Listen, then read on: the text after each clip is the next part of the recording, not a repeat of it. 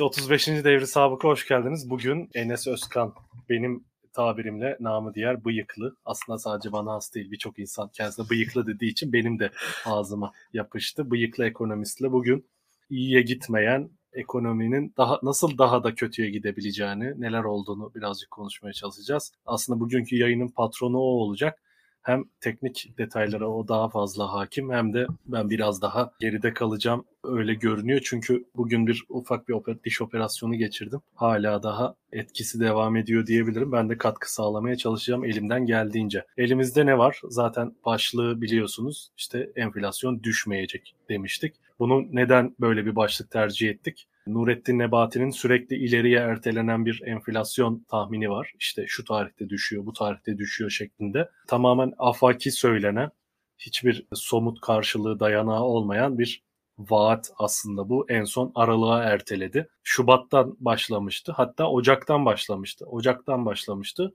Şubat, Mayıs, yazın şöyle sonbahar falan derken şimdi aralığa erteledi. Fakat aralıktan sonrasına ilişkinde hatta aralığa kadar da herhangi bir projeksiyonları olduğunu düşünmüyorum ben. Nurettin Nebati'nin bu konuda tam olarak ne yaptığını bildiğini de düşünmüyorum. Tamamen bir seçime kadar vaat satma, vaat pazarlama sürecine girilmiş durumda ekonomide ve bir seçim ekonomisi uygulanmaya çalışılıyor. Yavaş yavaş dozu arttırılmaya çalışılıyor ekonomik girişimlerin. Şöyle ifade edeyim krizi seçim sonrasını ertelemek için yani krizin ağır etkilerini mümkün mertebe ağrı kesicilerle belki dindirebilmek için zihni sinir projeler üretilmeye çalışılıyor. Teşekkürler bu arada Gürhan Çiftçi. Zihni sinir projeler üretilmeye çalışılıyor ve işte KKM kur korumalı mevduat projesi bunlardan biriydi. Yavaş yavaş bunun hazinedeki acı sonuçlarını deneyimlemeye başladık. Daha da ağırlaşacağı söyleniyor. Enes şimdi onların hepsini daha iyi anlatacaktır. Elimde çeşitli başlıklar var bugün konuşabileceğimizi, değinebileceğimizi düşündüğüm. İşte birisi konut krizi meselesi. Hem Türkiye'de hem dünyada aslında ciddi bir şu an sorun. Enflasyon özellikle batıda ciddi bir sorun. Amerika'da ve Avrupa'da fakat bizdekinin 10 katı, onda biri falan. Yani resmi rakamlara göre onda biri falan ve Amerika'da şu an ve Almanya'da işte korkunç bir enflasyon var, yer yerinden oynuyor falan gibi bir yaklaşım var. %7'lik falan bir enflasyondan bahsediyoruz. Biz %60-70'te geziyoruz resmi rakamlarla, resmi oranlarla diyelim. Gıda krizi meselesi var. Zaten işin püf noktalarından biri bu. Seçmen açısından, siyaset açısından da püf noktalarından biri bu seçime kadar. Negatif faizin etkilerini yaşamaya devam ediyoruz. İstihdam teşvikine ilişkin bir paket açıklanacağı iddia edildi. İşte siz işsizleri alın çalıştırın maaşını sigortasını biz ödeyeceğiz teklifi gelecek gibi bir iddia var hükümet tarafından. Bir de işsizliğin azaldığı iddiası var. Güven endeksinin düşüşü meselesi var zaten o bir süredir devam eden bir süreçti. Şimdi bu başlıklar etrafında ben sözü Enes'e devrediyorum. Hoş geldin diyorum. Enes birazcık şöyle bir geniş bir giriş yaptım ve topu sana devredip aradan çekiliyorum. Hoş bulduk Emre. Bıyıklıyla sakallı yazmışlar falan. Güzel. İyi. Biz de öyle takılalım madem öyle. yani aslında şöyle şimdi bu enflasyon düşecek mevzuunda Sayın Nebati'nin bir yandan haklılığı var ama bu haklılık şeyden gelmiyor. Söylediği şeyin doğruluğundan gelmiyor. Yapmak istedikleri bir şey var. Hatırlarsanız işte geçtiğimiz Aralık ayında ne oldu? İşte enflasyon birden o kadar yüksek açıklandı ki işte yıllık enflasyon da çok yüksek çıktı. Biz aslında ocağa çok yüksek enflasyonla girdik. Yani Nurettin Nebati geldikten sonra şey değişti. Enflasyondaki seyir değişti. Ondan öncesindeki işte hani nasıl Berat Albayrak'ın işte dolar sabiti vardı 5.95. Enflasyonda da öyle bir sabit vardı. Onu pek aşamıyorduk işte 7'leri vesaire. Nurettin Nebati'nin gelmesiyle bu değişti. Nurettin Nebati de hep şey diyor zaten. Aralıkta enflasyon düşecek. Aralıkta enflasyon düşecek dediği de şey. Baz yılı yani geçen yılı yıllık enflasyonu ne yapıyoruz? Bir önceki yılın aynı ayına göre hesaplıyoruz ya. Şimdi Aralıkta enflasyon yüksek olduğu için benzer fiyat artışları devam ettiğinde şimdi biz geçen senenin Ocağında işte aylık enflasyon %6 idi. Tamam mı? Geçen senenin Mart'ında aylık enflasyon %6,5'tu. Şu an tam rakamları hatırlamıyorum da atıyorum. E şimdi bu ay birden böyle fiyatlar işte birkaç kez artınca vesaire ne oldu? O baz yılındaki zaten fiyat düşüklüğünü aslında referans aldığınız için referansınız düşük fiyat olduğu için birden böyle yüksek bir şeyle karşılaşıyorsunuz enflasyonla. Şimdi Ama aralığı baz alırsanız orada zaten enflasyon yüksekti. Fiyatlar görece yüksekti. Şimdi ona göre baz yılını değiştirince ya da baz aldığın tarihi değiştirince, o ayı değiştirince aralıkta enflasyon bir miktar düşer mi? Düşer. Ama insanlar bazen şuna şaşırıyor. Biz tabii hep enflasyon içerisinde yaşadığımız için hani hiç başka bir şey görmedik ya yani hayatımızda. Yani bizim babalarımız falan da görmedi. Enflasyon öyle bir şey haline gelmiş ki fiyat artışıyla enflasyon düşerse yani fiyatlarla eşitlenmiş enflasyon kavramı. Fiyat artışıyla değil. Halbuki enflasyon fiyat artış oranı demek. Yani enflasyonun düşmesi fiyatların biraz daha az artması anlamına geliyor. Yani eğer enflasyon %60 ise fiyatlar geçtiğimiz yıl aynı aya göre %60 artmış. %40 ise enflasyon düşmüş oluyor evet. Ama fiyatlar 60'tan devam ediyor. düşmüyor. yani fiyatlar 60 değil de 40 artmış oluyor. Bazen şey ya aslında bizim öğrencilerin falan da kafası karışıyor. Çünkü sürekli böyle bir enflasyonun üzerinden konuşuyorsun falan filan ya. Halbuki burada önemli olan fiyat mekanizmasının kendisi. Fiyatlar bizde hep böyle arttığı için fiyat düşüşü falan filan böyle şeyler çok nadir yaşıyoruz. Yaşamadığımız için o böyle enflasyon böyle fiyatın kendisiyle at başı giden bir şeymiş gibi gözüküyor. Böyle aylık %10 enflasyonlar falan bunlar böyle hiç normal şeyler değil. Yani bu hiper enflasyon sürecinin başlangıcı. Şimdi onun için zaten Gürhan Bey de söylemişti. Bunu öncelikle bir şey koymak lazım. Yani enflasyon düşecek mi? Düşebilir tamam mı? Bir anlamı olmaz ama. Zaten yani sen aldığın zararı almış oluyorsun. Hatta bu ilk asgari ücret zammını yaptıklarında hemen ne demiştik aslında? Bu asgari ücret zammı şak diye şey olacak. Yani etkisini kaybedecek. 3 ay sürmedi. 3 ay sürmedi değil. Aslında zaten onun etkisi kayıptı. Hı-hı. Hatta onu söyledik. Yani olması gerekenin bile altında gibi duruyor. Geçtiğimiz yılın enflasyonuna göre. Çünkü neden? Ya zaten adam o zamana kadar enflasyonu yemiş tamam mı? Sen Ocak ayının başında bu adama bir kere bir zam yapmışsın. Adam zaten yıl boyunca enflasyonu sürekli yiyor. Yani o maaş artışları hep fiyat artışlarından sonra geldiği için aslında geriden geliyor hiçbir yani. zaman evet hiçbir zaman o enflasyona göre zam diyorlar ya işte enflasyon farkı falan. Onu aslında hiç almıyorsun gibi düşün. Yani sen aslında sürekli geriden geliyorsun. Bütçen açık veriyor. Ona bir miktar yama yapmış oluyor. Gece, geleceğe dönük bir Tabii. E, artış olmuyor. Doğru bir uygulama açığı kapatır. İşte daha refah yaratacak bir uygulama. O açıktan daha fazlasını verir sana. İleride yaşayabileceğin açıklıklara da göz önüne alarak. Yani 2021'in başında hani öyle bir asgari ücret artışı yaparsın ki 2022 yılında göreceğin zararı da karşılar normalde. Hani eğer şeyse refah artışı sağlamak istiyorsan ücretli çalışan kesimin üstünde. Ama bu hiçbir zaman mümkün değil. Bu da çünkü ekonomiyi kısır bir döngüye sokar. Yani sen sürekli maaşları artır, artır, artır. İşte insanların cebine para koy, para koy. Bu bir yerden sonra şeye gider. O enflasyonu besleyen, destekleyen bir sürece gider. Çünkü eğer bu insanların maaş artışı oranında insanların verimliliği artmıyorsa, senin ürettiğin ürünlerin değeri veya miktarı artmıyorsa aslında o insanlara sen karşılıksız bir para vermiş gibi oluyorsun. İşte Türkiye'nin en büyük problemlerinden biri bunu insanlara da kullanmayıp temelli işte o proje bu proje bilmem ne işte falan filan oraya buraya harcaması tamam mı? Hani bizim cebimize de koymuyor. E biz de ücretli çalışan insanlarız. Bizim cebimize de giriyor. O parayı bambaşka şeylere harcıyorlar. Refah artışı hiçbir zaman böyle enflasyonist ortamlarda gerçekleşmiyor. Bunu gördük. Bu dünyada da çok fazla örneği var. Eğer bir ülkede enflasyon böyle yıllık yüzde onlar, monlar hani o seviyelerdeyse sen hiçbir zaman şey yapamıyorsun.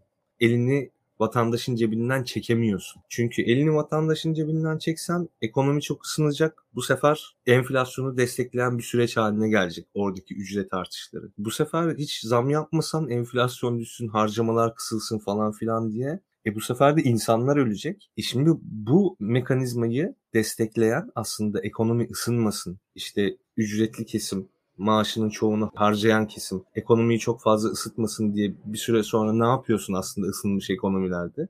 Sayın Nebati'nin biz bir enstrüman olmaktan çıkardık dediği şeyi yapıyorsun. Faizleri artırıyorsun.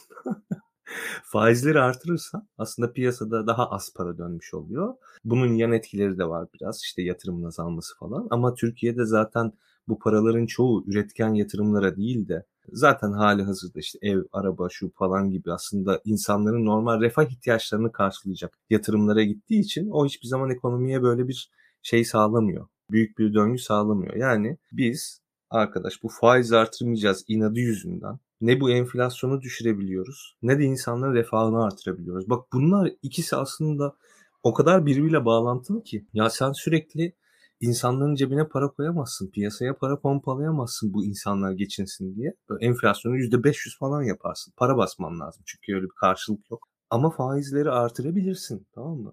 Ya biz faiz artırılsın diyen ekonomistler olarak vampir değiliz tamam mı? Yani insanların kötülüğünü istediğimizden dolayı bunu demiyoruz. İşte burada böyle bir denge var tamam mı? Bu dengeden dolayı söylüyoruz zaten. İşte faiz artırılmalı mı artırılmalı Yani ona kalırsa o eğer öyle polyanlıcılık oynayacaksak işte piyasada hiç fiyat mekanizması yoksa bilmem neyse falan filan e insanlara o zaman deli gibi para verelim bilmem ne olsun fiyat mekanizması ortadan kalksın. Bir süre sonra o sistem de işlemeyecek. Şimdi burada bu faiz, enflasyon ve insanların refahları ve maaş artışları ve asgari ücret üzerinde aslında böyle bir bağ var. Tabii bu böyle işte uzun ve karmaşık bir konu tamam mı? Şimdi biz konuşuyoruz karşılıklı ama bunu bir şekilde vatandaşa nasıl anlatacaksın, aksettireceksin? Karşında öyle bir şey var ki nas diyor geçiyor adam tamam Tek kelime nas diyor. Halbuki yani ne faizi düşürmüş ne bir şey. Bakıyorsun pratikte faizler de zaten düşmemiş. Faizler zaten artmış yani. yani o böyle işte hakikaten bir para politikası aracı olmaktan çıkmış. Böyle virtue signaling şeyi olmuş. Sanal aslında sinyalleme. Yani gerçek bir sinyalleme falan bile değil. Bir algı malgı bile yaratmıyor yani. O kadar enteresan bir şeye dönüşmüş. Öyle bir şey tamam mı? Şimdi bu olunca sen de diyorsun ki vay efendim enflasyon düşecek. Ya enflasyon düşmesinin bir anlamı yok. Bizim gelirlerimiz artacak mı? Zaten mevzu o.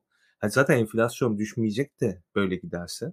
Enflasyon düşse de bir anlamı yok. İşte mevzu aslında bunu biraz şeye aksettirmek, seçmene vesaire aksettirmek. Bunu aksettirmediğimiz sürece sanırım biraz bu saçmalıklarla boğuşacağız. Şimdi herkes şeyi de hissediyor. Yani sonuçta işte ocaklar sönüyor, tencereler kaynamıyor şu bu. Herkes aslında bunu hissediyor ama yani iş bir yerden sonra bunu hatta bir yıldır falan konuşuyoruz. Çok çok tekrar olacak kusura bakmayın ama ya iş bir yerden sonra şuna dönüyor. Sen zaten o kadar köşeye sıkışmışsın ki. O kadar köşeye sıkışmışsın ki ekonomi zaten artık senin için kurtarılamayacak noktada. Yani senin zaten gelirin falan filan berbat halde. Yani zaten ailede bir kişi çalışıyor şu bu. Senin maaşını 10 bin yapsalar da yetmeyecek. Sen yani o kadar köşeye sıkışmışsın ki ev sahibin evden çıkarsa yeni tutacağın ev onun 3 katı falan filan. Ya senin şeyi düşünecek halin kalmıyor. Yani aman huzurumuz daha da kaçmasın, aman işler bozulmasın vesaire. Şu olmasın, bu olmasın. Yani hiç hareket istemiyorsun bir yerden sonra ve o iktidardan kopman ekonomik nedenlerden dolayı bazen daha da zor hale gelebiliyor. Ya da işte bu sosyal yardım mekanizmalarının yanlı kullanılması falan gibi nedenlerle zaten kopacak durumun olmuyor. Şimdi bu, bu iki şey nedeniyle biraz daha sanırım insanlara bu biraz önce konuştuğumuz tüm bu şeyin daha basit bir dille anlatılması gerekiyor gibi. İşte bu basit bir dille anlatılma meselesinin sorumluluğu da e, muhalefette ama şu ana kadar yani onları ayrıca eleştiririz. Ben hem muhalefete eleştirmek üzere yani eleştirdiğim bol bol yayın yapıyorum.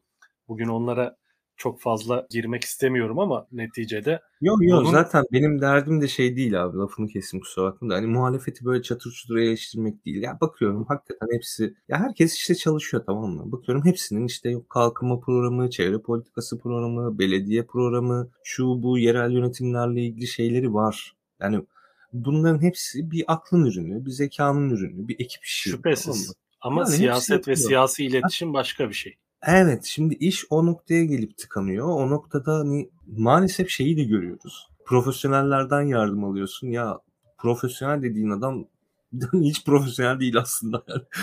Kim bilir ne, o da nereye sinyalleme yapıyor işte o sinir mevzunu yapıyor. O da belli değil. Yani ya kendini polisçilik oynuyorlar. Evet kendin yapalım diyorsun. Orada da böyle teknik aksaklıklar var. Yani senin bilmediğin aslında bir sürü iletişim şeyi var tamam mı? Hani bunlar böyle teknik meseleler. Yani o işin kendisiyle ilgili, işin doğasıyla ilgili şeyler. Yani hakikaten muhalefet partilerinin işi zor. Ona hiçbir şey demiyorum. Ama şunu yapabilirler ya en azından. Ben ne bileyim abi bununla ilişkin ekipler falan filan kurun. Gidin il başkanlıklarında, ilçe başkanlıklarında bu bizim şu an konuştuğumuz bu basit şeyleri gerçekten 5-6 tane aslında temel mevzu var. Bunlar çok rahat basite indirgenip anlatılabilir. Yani şöyle bin kelimelik bir şeyle tamam mı? Hani işte aşağı yukarı ne yapar abi? 3, 3 A4 sayfası falan mı yapar? Hı hı. Öyle bir şeyle anlatılabilir ve tüm sorunların temeli o. Yani sen bunları anlatsan o insanlarla başkalarına falan filan hani sokaklarda gezin mesela muhabbetleri var ya yeter yani ve abi hani ben olsam böyle çıkmadık YouTube kanalı işte çıkmadık vermedik röportaj şu bu falan bırakmam ya anladın mı? Yırtınırım ya o kadar şey ki sorunun neden kaynaklandığını ve nasıl bu mekanizmanın işlediğini anlatmalarına dahi gerek yok bence. Hmm. Vatandaş belli sorunlar yaşıyor. Gündelik pratiklerinde bunları zaten muhtemelen senin ona teknik bir şekilde anlatmaya çalışacağından çok daha kanlı canlı bir şekilde zaten o hayatında işte mutfağında çocuğunun giderlerini karşılamaya çalışırken yol parasını verirken her an bunu deneyimliyor zaten. İşte borçlarını ödemeye çalışırken belki ev araba aldı onun taksitleri altında eziliyor vesaire. Tüccar ticaret yapıyor işte şey çek kesemiyor vadeler saçma sapan bir hal alıyor. Sen paranı aldığında o para hiç olmuş oluyor falan. Şimdi bunları zaten pratik olarak deneyimliyor. Anlatmaları gereken bence, şimdi bir şey okuyacağım. Ne kastettiğim daha iyi anlaşılacak. Anlatmaları gereken bu sorunun çok basit böyle A, B, C şeklinde mekanizmasını anlatıp geç onu. Orayı çok onun üzerinde durma. Sen bunları iyileştirmek üzere neler yapabilirsin? İnsanların hayatında, gündelik pratiklerinde neyi değiştirip dönüştüreceğini somut bir şekilde anlatabilmen gerekiyor. Şimdi bak birkaç gün önce yani bu konu buradan açıldığı için buradan devam ediyorum kusura bakma. Burası edelim, biraz benim burası Yo. biraz benim şey yani. Bu konuları konuşmak istiyorum. Yaralı olduğum bir alan yani. Faik Öztürk birkaç gün önce bir enflasyona çözüm enflasyonla mücadele için atılacak 9 adım. Basın toplantısında elinde görseller, grafiklerle şimdi bir açıklama yapıyor maddeler halinde. Şimdi şu maddelere bir bakar mısınız? Okuyorum içinden. Merkez Bankası Başkanı ve PPK kurulu üyelerini değiştireceğiz. İşte Merkez Bankası'nın araç bağımsızlığının üzerinden siyaset vesayetini kaldıracağız. Merkez Bankası'nın kasasına arka kapıdan el uzatılmasına izin vermeyeceğiz. İşte stratejik planlama teşkilatı kuracağız. Kamuda mali disiplin, tasarrufları dar gelirliye dağıtacağız. İşte kamu borç yönetiminde yabancı parayla bilmem neyi azaltacağız. Şimdi yani bunlar seni ilgilendiriyor. Takip ettiğim için profesyonel olarak bu siyasetçiler işte partilerin çözüm önerileri neler, ekonomiye ilişkin vaatleri neler, iktidara geldiğinde yapacaklarını yaparsak bunların neticeleri neler olacak şeklinde analiz yapmaya çalışan insanlar için anlamlı birer metin olabilir ama sıradan vatandaş için hiçbir şey ifade etmiyor. Yani kamuda mali disiplini sağlayacağız demenin ocağına yemek koyamayan bir vatandaş açısından hiçbir anlamı yok. Anlatmak istediğim bu.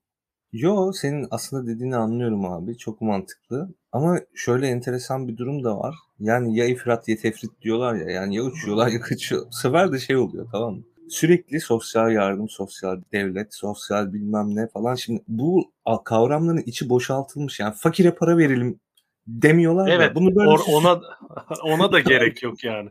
Ona da ya, gerek yok. Yani şeyi hiç söylemiyorlar. Yani sürekli bu insanlar aslında yardımla geçinemez ya hani aslında mevzu onların yardım almaktan çıkabiliyor olması lazım ya. Bu aşamayı hiç dillendiren yok. Bu sefer de sadece sosyal yardımlarla ilgili konuşanlar da var mesela. Şimdi o da o da enteresan, bu da enteresan. Şimdi bu dil Faik Öztürk tabii uzun yıllar işte Maliye Bakanlığı'nda çalışmış. işte bir sürü insanın üstadı, abisi bilmem nesi falan filan. Önemli bir teknokrat, önemli bir bürokrat. Tabii, tabii, tabii çok tanıyor. önemli. Kesinlikle. Yani hazineyi tanıyor. Çok önemli bu anlamda. Fakat kesinlikle. Ama siyaset işte, başka bir şey yani. Aynen kesinlikle. Orada işte sen bu vatandaşa anlatacağın şey başka. Şimdi biraz önce benim anlattığım o mekanizma var ya tık tık tık bak bunu şu yönden anlatmak önemli. Ya bunlar sizin paralarınızı çalıyorlar ondan fakirleştiniz demekten ziyade ya kardeşim bak sana öyle bir şey anlatacağım ki ya bir dakikada olayı anlatacaksın. Neden ev faiz artırılmalı? Faiz artırılmazsa neden senin refahın düşeri? Şöyle 3-4 cümlede anlattıktan sonra bunu da nasıl çözeceğiz konusuna geldikten sonra burada işte hamasete düşmeden biz işte güven vereceğiz falan demeden yani güven verdiğim için her şey çözülecek falan. Sadece böyle şeyler demeden hakikaten somut birkaç adım söylediğinde insanların şeyi anlıyor. Zaten bir de şöyle bir şey var abi hani sadece ya Türkiye'de de bir de hani iletişim dilini nasıl kurduğun falan filan da önemli ya. Mesela bu tiksindirici borç şeyi vardı işte Ceyhun Hoca, işte Bilgehan falan bu konulardan bahsetmişlerdi. Sonra işte Kılıçdaroğlu'yla Meral Akşener de bu konu üzerine gitti. Şu an pek üzerinde durulmuyor. Zaten yani çok da o kavramın içine girer mi girmez mi şeyi bilmiyorum ama böyle kilit kavramlar, cümleler var. Türkiye'nin borçları tam tiksindirici borç tanımına girer mi girmez mi bilmiyorum oradaki teknik şeyleri ama böyle kilit kavramlar falan filan bulmak bence mantıklı olur. Ya, akılda kalıcı ama, vaat setlerine ihtiyaç var ve ger- şey gerçekçi yani böyle para dağıtacağız halka fakire ya fukaraya para vereceğiz değil yani.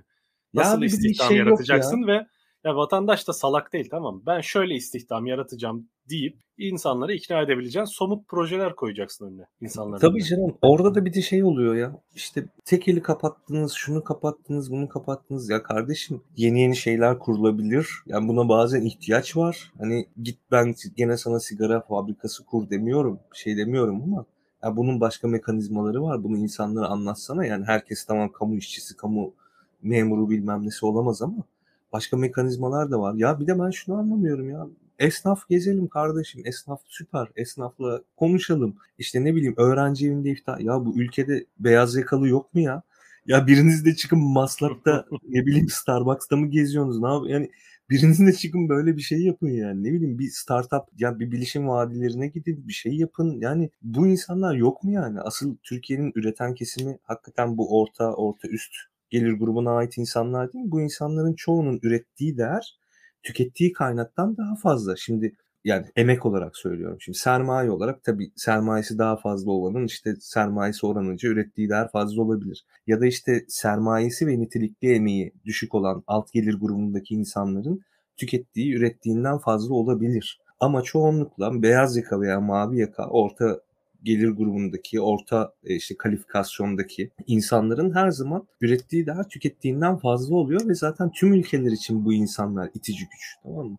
Ya sen şimdi bu insanların hiçbiriyle iletişimin yok, bir şeyin yok. İnsanlar cepte çünkü oy olarak cepte. AKP de mesela bu insanlarla hiç ilgilenmiyor çünkü bunlara bunların oyunu alamayacağını biliyor. İki taraf açısından da burası şey nasıl diyelim ihmal edilen bir şey kısım. Çünkü Ama bu çok iki, kötü ya. ya. Motivasyonları farklı. AKP zaten umudu kesmiş durumda ve Hı. hatta orta sınıfın bilinçli olarak yoksullaştırıldığı net olarak görülüyor. En alt, en yoksul kesimlere sosyal yardımlar ve işte takım işte tabiri caizse işte sadaka devleti denilen formasyonu Hı. kurarak zaten oradan kendine bir seçmen ağı kurmuştu. AKP tekrar orayı kazanmaya çalışıyor. Çünkü onların hayatlarında minimal müdahalelerle daha vatandaş açısından Çok anlamlı değişik şeyler. Yani. Evet, Değil daha mi? maliyetsiz müdahalelerle değişiklik yaratmak mümkün. Çünkü 4000 lira alan bir geliri olan bir kişiye 500 lira verdiğinde 1000 lira verdiğinde onun hayatında anlamlı bir değişiklik yaratıyorsun ama 12-15 bin lira kazanıp da geliri 7-8 bin liraya düşmüş olan kişinin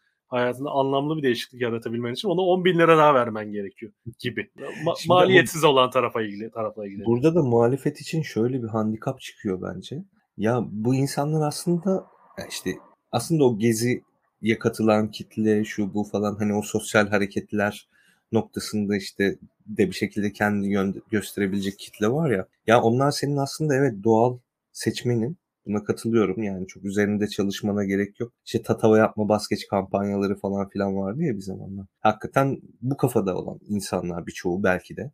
Elimde net bir veri yok ama gözlemlediğim kadarıyla öyle. Ama bunlar bir yandan da senin gönüllü neferin tamam mı? Mesela işte seçim güvenliği diyoruz. İşte halka bir şeylerin anlatılması diyoruz. Şu olur bu olur. Yani bakıyorsun işte YouTube tüketen kitle, işte Twitter'ı tüketen kitle, ne bileyim diğer sosyal mecraları tüketen kitle. Hani bunlar da bu insanlar da var yani. Biraz bu insanları motive edecek politikalarda sanki geliştirilebilir.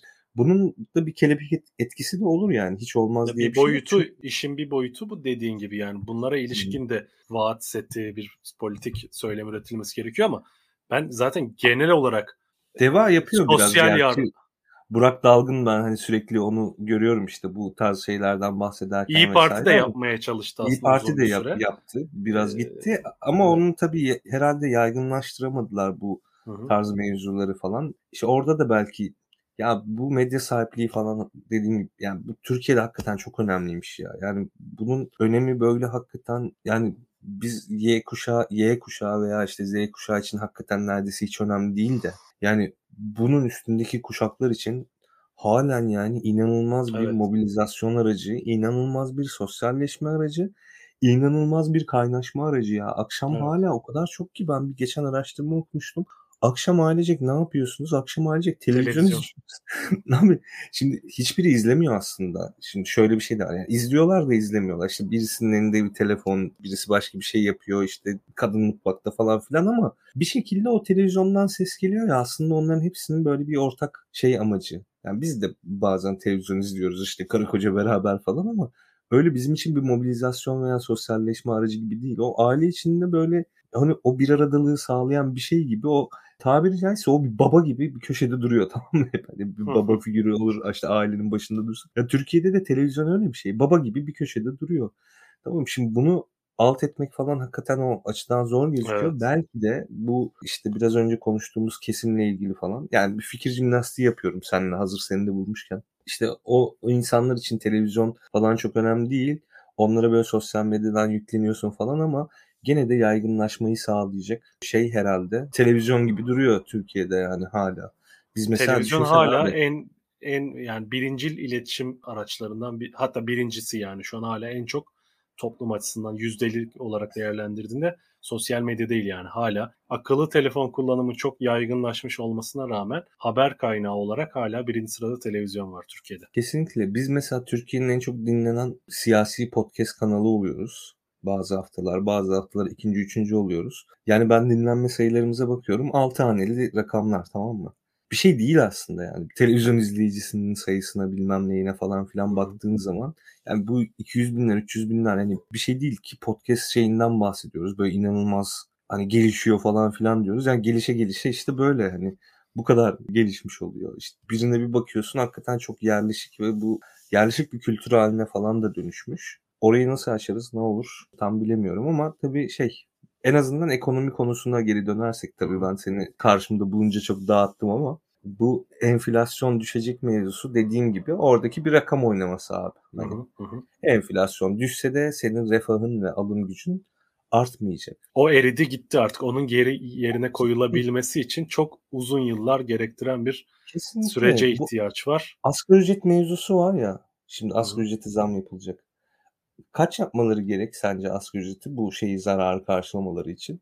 Yani gerçekten 2023 ocağındaki asgari ücret zammına kadar hiç zam yapmayacaklarını düşünürsen yüzde kaç zam olması lazım ki bu insanlar aslında bir insani şeye kavuşsunlar? 2023'e kadar hiç zam Tabii. yapılmayacak. Tabii Yani yüzde 2022'deyiz yüz şimdi. Yılda bir yapılıyordu normalde. Normalde 2023 Ocağı'na kadar hiç yapılmaması lazım da hadi yapacaklar diyelim. yüzde yüz 4000 bile yetmez muhtemelen. Yetmez. Kesinlikle yetmez. Çünkü daha devam eden bir enflasyon süreci var. Şimdi biz yüzde 60 enflasyon her ay işte çıkıyor ya 60, 65, 70. Bu böyle yüzde yüzlere kadar falan varması çok muhtemel bir şey. Bir de resmi Yani bu hesaplama olduğunu hep vurgulamak istiyorum ben bunu. orada şey var. Şimdi bu Enag var işte Enag Grup. Onlar açıklıyor. Onların metodolojisini ben tam şey yapamadım. Yani orada da biraz sanki biraz daha yüksek çıkıyor gibi. Şöyle Ama bir şey açıklama var. Onlar ortalamasını da aynı şeyi kullanıyorlar diyorlar. O- Aynı sepeti kullanıyor. Sadece işte hesaplama yöntemleri farklı. Onların da sepetinde mesela hiç yani tıpkı şeyin TÜİK'in seçtiği gibi saçma sapan muhtemelen fiyatı 10 yıldır hiç değişmemiş olan bir takım emtia da var. Orada da var. Yani aynı sepeti yo. kullanıyorlar. Daha da yüksek olması gerekiyor diyenler var yani. Yok Enak'tan onu da yüksek olması gerekiyor yani. Onu çok zannetmiyorum. Ya şöyle bir şey o hesap ya zaten şöyle yapmak lazım. Şimdi elimizde hesaplamalar var işte ENAK, TÜİK tamam mı? Bu ikisinin ortalamasını alıp aşağı yukarı yani bir fikir gelişsin diye insanlarda böyle bir şey yapmak lazım. Yani birisini işte biraz abartılı bulabilirsin. Ya da işte çok güvenemiyorsundur meteorolojisine, ekibine bilmem neyine. E diğerine zaten hiç güvenmiyorsun yani. Onun bir ekiple falan filan da alakası yok. İşte adama güvenmiyorsun, adamın kendisine. Şimdi öyle olunca ikisinin ortalamasını almak herhalde biraz mantıklı gibi geliyor. Öyle mantık şey açısından bakınca abi yani yüzde yüz bile yetmesi çok zor. Ama bu sadece bir de enteresan bir durum var. Şimdi asgari yüzde yüz zam yapmak demek 8500 lira yapmak demek. Asgari ücretliye 8500 veriyorsan yeni bir emir bir mühendise bilmem neye falan filan ne kadar vereceksin gibi bir durum çıkıyor ortaya. Çünkü hiçbir Toplumun firma zaten bu %90'ı paraları falan kazanmıyor. Evet hı. zaten abi %90 asgari asgari ücrete ücret olur. şu anda bile neredeyse %50'ye yakın asgari ücret civarında para kazanıyor insanlar. İşte %50'sinden biraz fazla hatta. Bu oran normal bir ülkede. Yani asgari ücret çünkü ne?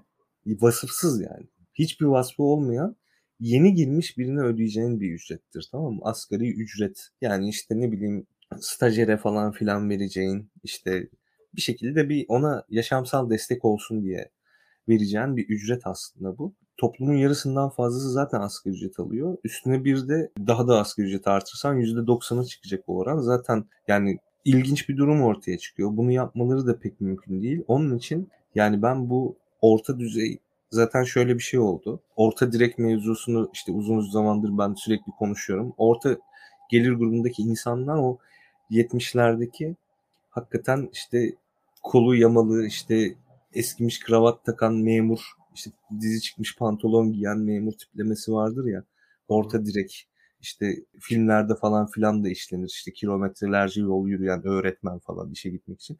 Türkiye'deki orta sınıf zaten bu hale geldi. Yani orta direk oldu artık. Orta gelir grubu falan gibi bir isim takmaya gerek yok. Var. Orta direk yani. Onlar zaten bir aşağı kaydı. Aşağıdakiler de iyice uçuruma yuvarlandı. Üst gelir grubundakiler de kademe kaybetti. Bakıyorsun Hayır abi.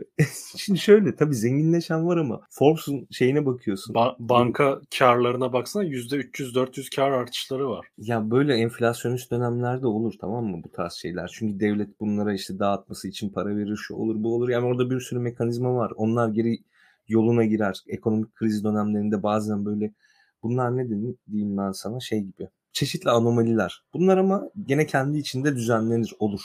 Zaten bankaların öz kaynak şeyleri falan filan azalıyordu neredeyse. Batık krediler çok vardı.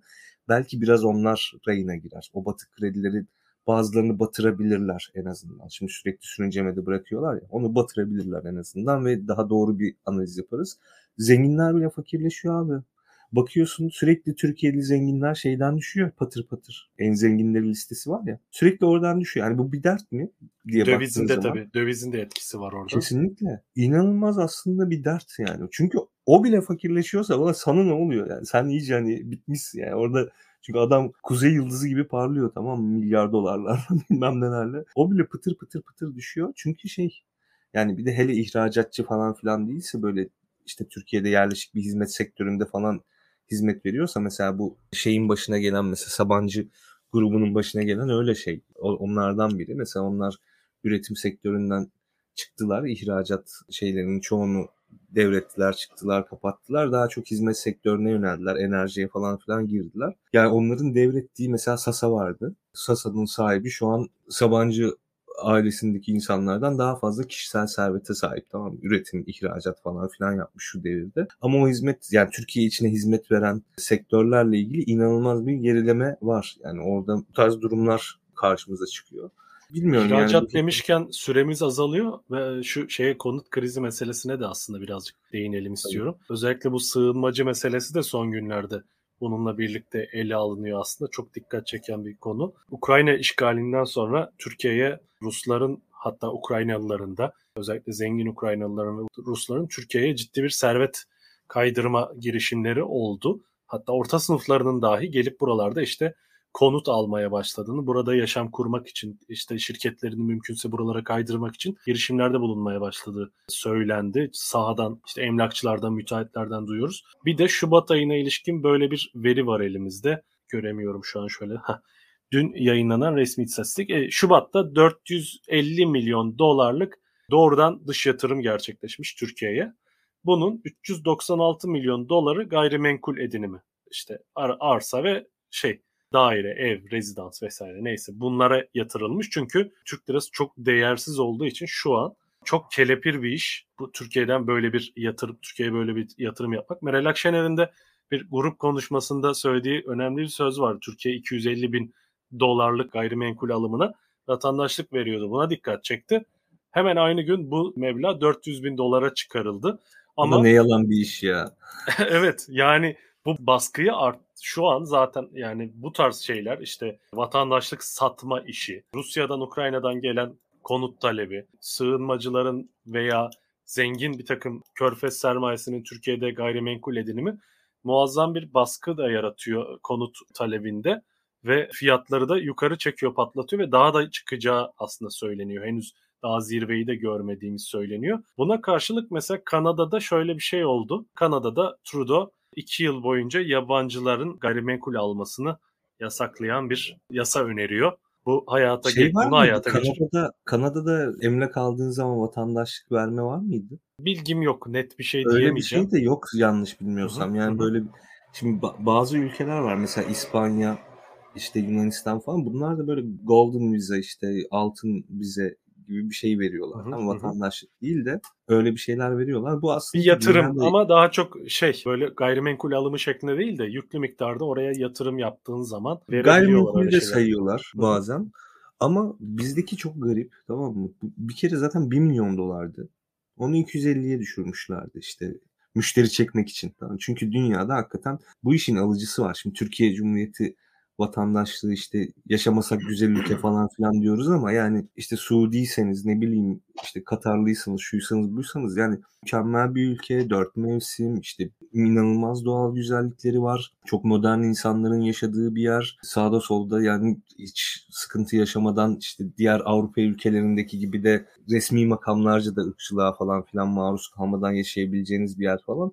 Hani bir de insanlar için şey hakikaten işte Orta Asya veya işte Orta Doğu'daki çoğu insan için aslında yakın bir coğrafya. Hem kültürel olarak hem işte dini vesaire işte bir sürü sebep var tamam mı? Ve şey çok enteresan. Belli yerlerde yoğunlaşıyor tabii bu yabancıya konut satışı işi. İşte bir şekilde AKP'nin işte kalesi, işte Başakşehir falan, işte daha işte Fatih şu bu falan gibi yerlerde yoğunlaşıyor. E, Bir de işte şeyde Karadeniz özellikle Batı Karadeniz işte Doğu Karadeniz vesaire gibi biraz daha böyle artık havasından mı suyundan bilmiyorum oralarda yoğunlaşmış gibi gözüküyor. Güney Ege ve Akdeniz'de de çok var. Güney Ege Akdeniz'de daha çok şey Orta Doğu Orta Asya değil de şey aslında Avrupalılar e, işte var. bu Avrupalılar işte Hı şimdi Ruslar vesaire. Hı hı, hı Ya bu arada bu Rus mevzusu hakikaten ilginç oldu. Rusların gelmesi konusu. İşte bu hakikaten Kaş'ta maçta sağda solda yaşayan arkadaşlarla konuşuyoruz. Yani kiralar falan inanılmaz uçmuş durumda. Bunu tabii ki şey görüyorum. Bu tarz anomaliler dediğim gibi kriz zamanlarında olur. Yani bu bir süre sonra düzelir. Bazı acılara sebep olur. Ama bunu hiçbir zaman tam olarak şey yapamazsınız. Dindiremezsiniz. Tamam mı? Onun için böyle olursa yani bu ne bileyim Ruslar geldi, şu oldu, bu oldu. Bu birkaç sene içinde kendini toparlar veya işte değiştirir o bölgenin çehresini. Her zaman böyle bir şeyler yapamazsınız. Ama şeyi yapabilirsiniz ya bu vatandaşlık işi o 250'den 400'e artırmak mesela çok samimiyetsiz bir şey tamam? Yani bu şey değil ki vatandaşlık almayı zorlaştıracak bir şey değil ki. 250 bin doları veren zaten 400 bin doları 400 da ver- verir. verir. Yani ya şey yapacaksın. Bankadan kredi çek kredi çekip almıyor ki yani vatandaşlığı. Tabii canım ya bunu tamamen sınırlayacaksınız ya tamamen sınırlayacaksın iyi bir plan dahilinde üretilen konutların yüzde şu kadarı falan diyeceksin. Şu bölgede kaldırıyorum.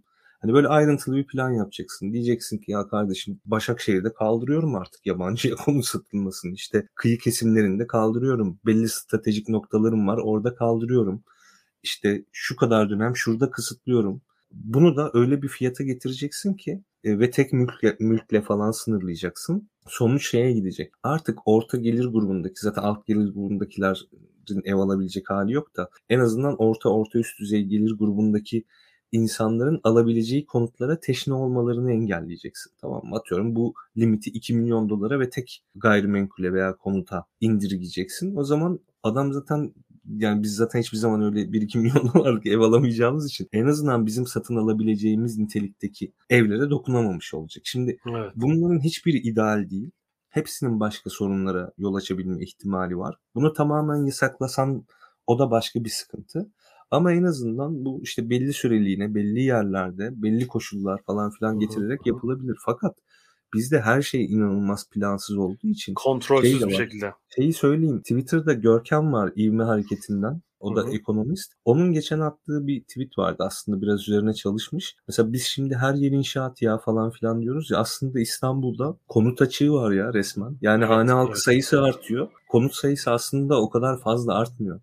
Ve ben size şöyle bir şey söyleyeyim. Yani bu arkadaşımız şeyi sormuş. 250 binden 400 bine çıkması artırmaz mı? Artırır tabii. Yani sonuçta oradaki sen şeyi baremi kaldırınca aslında bazı konutların da fiyatını artırmak durumunda kalıyorsun. Yani 350 binlik evi adam 400 bin der. Vatandaşlığında hazır der öyle satar zaten. Hı hı.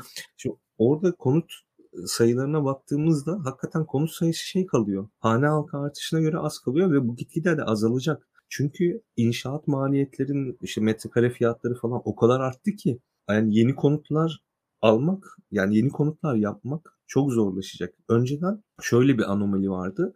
Arsa payları çok yüksekti. Yani bir yerde bir köyde işte imarı açıyorsun. Hop bir bakıyorsun adamın 3 tane apartmanı olmuş. İşte mesela Ali Babacan'ın aslında hep anlattığı ama çok da böyle teveccüh görmeyen onun belki tarzından falan filan dolayı bu rant mevzusu vardı ya inşaat rantını engelleme mevzusu.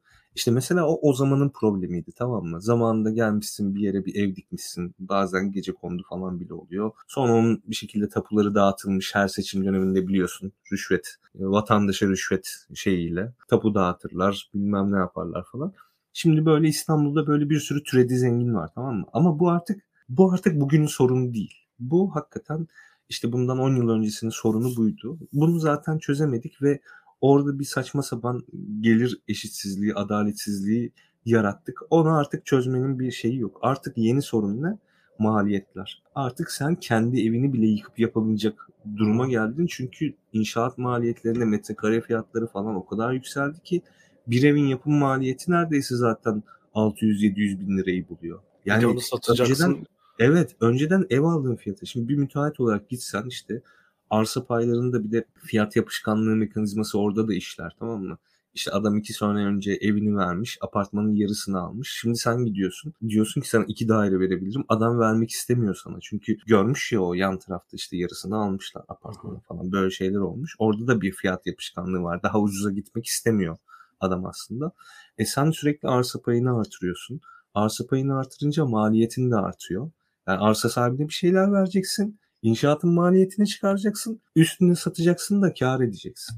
Bir de Şimdi, konut kredilerinin düşük tutulması da zannedersen bu talebi yukarı yani talebi de dolayısıyla fiyatları yukarı iten bir etken o, oluyor. O zaten inanılmaz bir durum. Şimdi tabii bu konut konusunda işte krediler olmadığı zaman hakikaten çoğu insanın hiçbir şekilde konut alabilme imkanı olmaz. Ama bunun da şöyle bir yan etkisi oluyor. Türkiye'de tasarruf eden cezalandırılıyor şu an. Tamam mı? Hı hı. Enflasyon inanılmaz yüksek faizler falan inanılmaz düşük. İnsanlar da bunu hissettiği için bunu böyle bilmesine falan gerek yok. Ya ben tasarruf ediyorum, cezalandırıyorum falan demesine gerek yok. Ben olabildiğince borçlanayım ki Hı-hı. aslında tasarruf edenin sırtına binmiş oluyor o borçlanan. Sen yani saçma sapan bir şekilde Türkiye tarihsel olarak tasarrufu çok düşük bir ülke tamam mı? Burada tasarruf yapanı her zaman ödüllendirmen gerekirken her zaman bu enflasyonist baskıdan dolayı tasarruf yapanı cezalandırıyorsun borçlananı ödüllendiriyorsun. O kadar borçlanan da bir... katma değerli bir şekilde yani geri dönüşü olacak şekilde bir borçlamıyor. Onu alıyor eve yatırıyor, arabaya yatırıyor. E, e, o para yatıyor abi? orada. Tabii canım. Ya ne yapsın işte insanlar da şey orada ev alıyor, araba alıyor. Yatırım kredisi falan filan isteyenin işini falan daha da zorlaştırıyorsun böyle. Hmm. Saçma sapan bir şey. Yani onun için en azından şunu tavsiye edebilirim. Hani bir ekonomist olarak hani yatırım tavsiyesi değil de borçlanım tavsiyesi. Şu an Türkiye'de borçlanmak inanılmaz ucuz. Yani bu enflasyon, bu krediler falan. Yani bu iş böyle kesinlikle gidemez. Bir süre sonra bu faizlerin falan mecburen artması lazım. Ne kadar da çıkardık ettik falan filan da deseler. Türk lirasıyla borçlanmak şu an Türkiye'de çok avantajlı bir şey. Onun için yatırım tavsiyesi değil, borçlanım tavsiyesi veriyorum herkese. Süreyi bayağı doldurduk. Aslında bir konu daha var değinmek istedim ama sadece grafiği göstereyim. Üzerine biraz konuşalım ve kapatalım. Bugün Cem Oyvat'ın tweetinde gördüm. Ben de paylaşmıştım.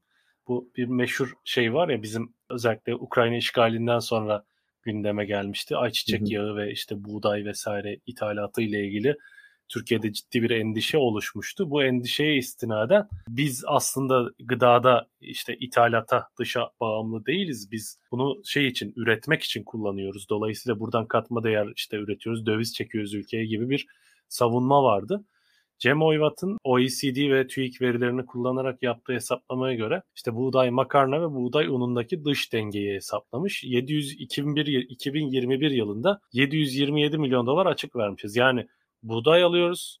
Buğday unu alıyoruz veya buğdaydan buğday unu üretiyoruz. Bunun bir kısmını satıyoruz, bir kısmını makarna yapıp satıyoruz. E, neticede girdilerin çıktıların toplamı eksi 727 milyon dolar yapıyor. Yani biz aslında buğday konusunda da en temel şu an Türkiye'de toplumun en temel tüketim maddelerinden biri olan buğday konusunda da aslında bir dışa bağımlılık olduğunu gösteriyor. Dahası önemli bir veri daha var. 2021 cari açığının yaklaşık %5'ine denk geliyormuş bu açık. Yani Türkiye'nin bir işte buğdayın ilk üretildiği topraklar tarihte buğdayın ilk üretildiği topraklarda şu an e, buğday ithal eder bir duruma gelmiş durumdayız.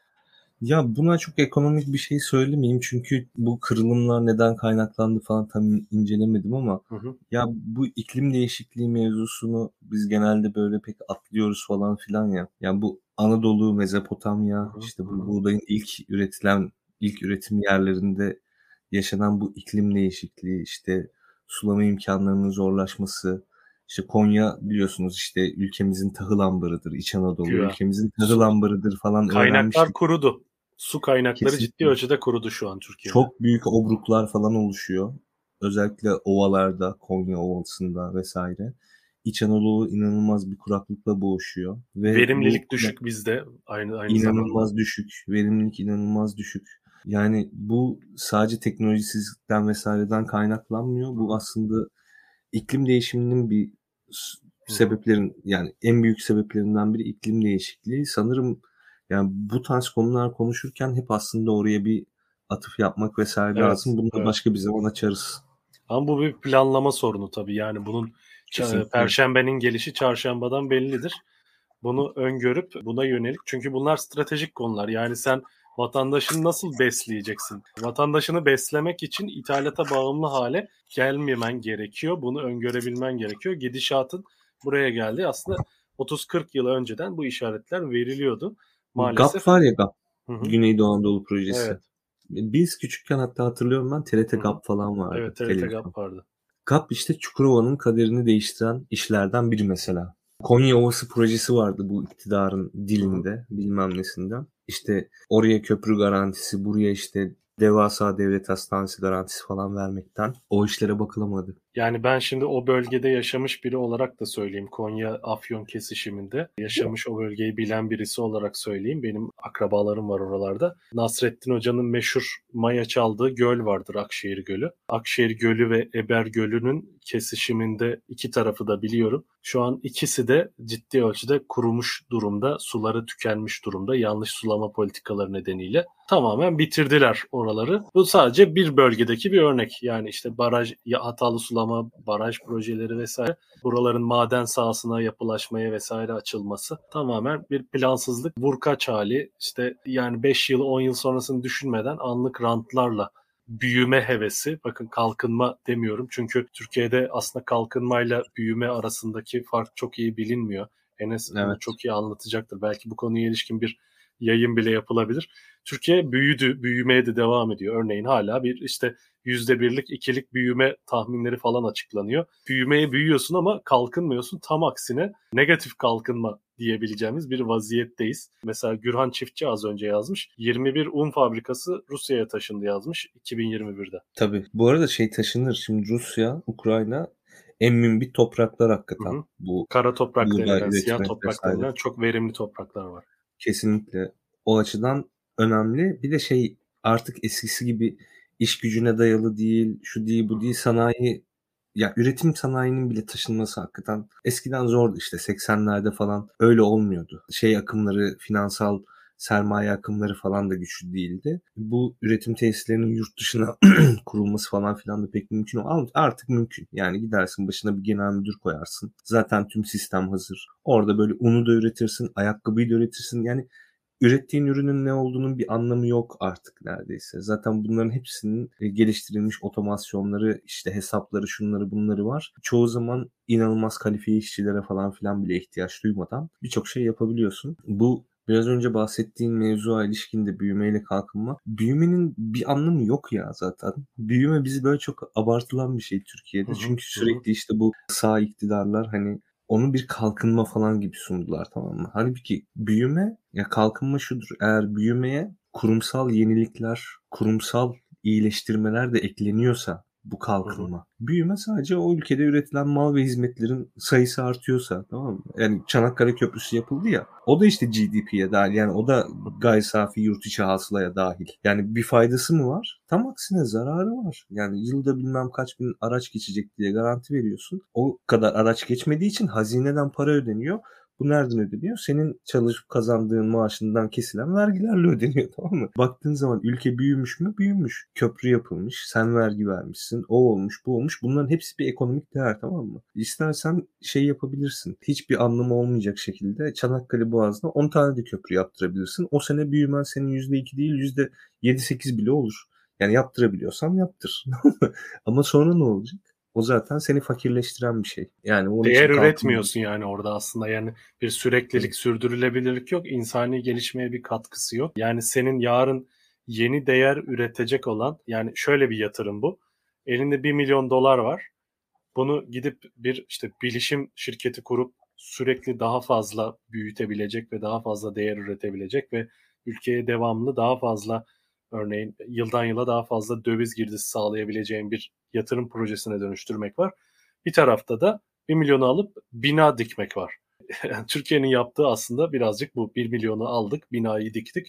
Şimdi oturuyoruz ama bu kira ödeme, işte karnımızı doyurma kısmına geldiğimizde şu an patlamış bir vaziyetteyiz diye özetleyebilirim ben. Evet Enes teşekkürler. Ağzına sağlık. Ben teşekkür Bence ederim. Keyifli bir sohbet oldu. Umarım izleyenler de keyif almıştır. Yayını beğenelim lütfen. Paylaşalım, yorum yapalım. Daktilo 84'e abone olalım, destek olalım ki biz böyle hem keyifli hem de bilgilendirici yayınlara devam edebilelim.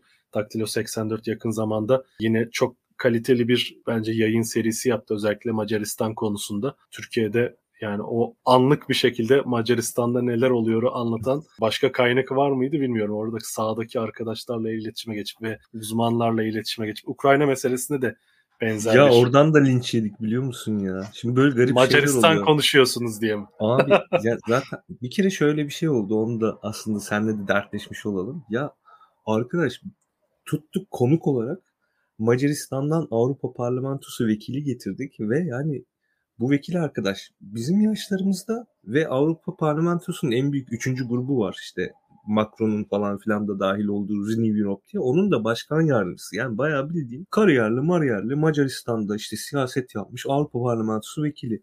O yayında şey dedi tamam? Ben de yayında dedim ki işte ben işte kısa böyle 15 dakikalık bir röportaj yaptım. Dedim ki sonuçta hani siz bir aday belirleme süreci işlettiniz. Bu süreçten memnun muydunuz? Nasıl etkisi olacak? Çünkü seçim bitti, oylar sayılmaya başlandı. Ben o zaman yaptım röportajı bu arkadaşla. İşte o tabii dedi ki işte siyaset işte biz kazanacağız, edeceğiz falan filan. Ön seçim mi Türkiye'deki muhalefete tavsiye ederim falan dedi tamam Bu sefer Allah işte daktilocular muhalefete ön seçim yap diyor falan. Ya ben mi diyorum ya adamlar böyle bir şey yapmış. Sen bunu al izlesene işte ya böyle bir şey yapmışlar. Başarısız Bence diyebil, olmuşlar. diyebilirsin yani diyebilirsin. ya diyebilirim.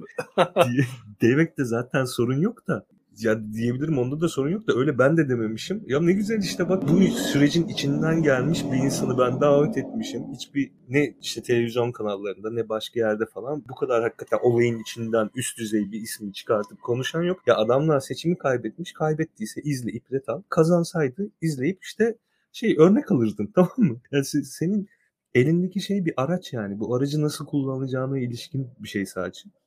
Bu arada Gürhan, Gürhan Çiftçi şey demiş. O Hatun'un ismini yanlış söyledin demiş. Aslında yanlış söylemedim. Soyadını okumak zor biraz. Macar hmm. olunca nasıl okunuyor anlayamıyorsun. İngilizce falan filan gibi değil ya. Orada bir şey olmuştu evet. programın başında da onu diyor Gürhan Bey. Çok çok da önemli değil bence ya. Zaten orada önemli yani olan maksat hasıl olmuş demektir.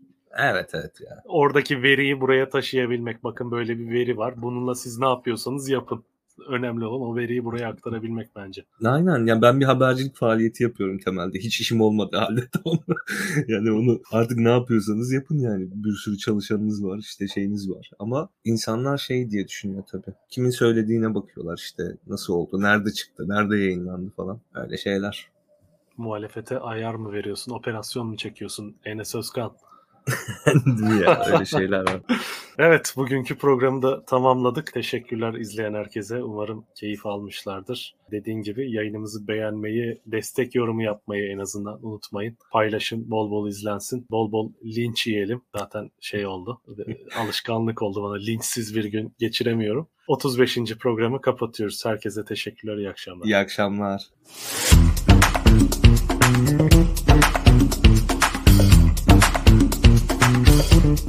Mm-hmm.